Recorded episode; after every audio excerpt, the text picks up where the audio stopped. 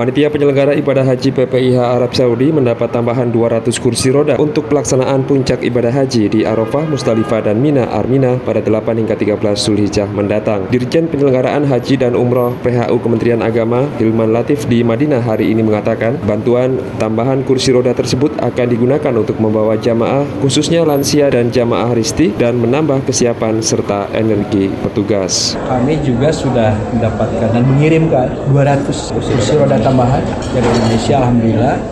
Dan ini juga nampaknya dibutuhkan puncak haji untuk membawa jamaah yang menurut medis masih memungkinkan untuk datang tetapi memungkinkan kekuatan petugas juga lagi-lagi menjadi penting.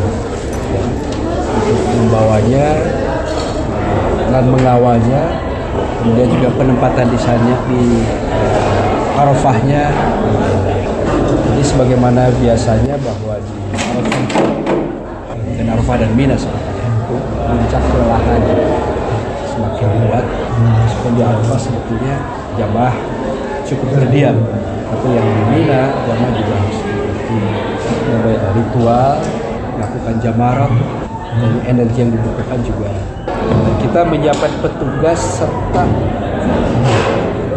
alat pendukung yang harus dimiliki.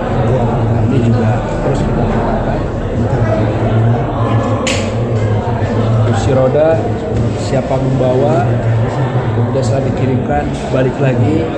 Ada secara teknis ini memang uh, energinya konsumsi energinya perjalanan itu kita hampir 4 kilo, 4 kilo ya.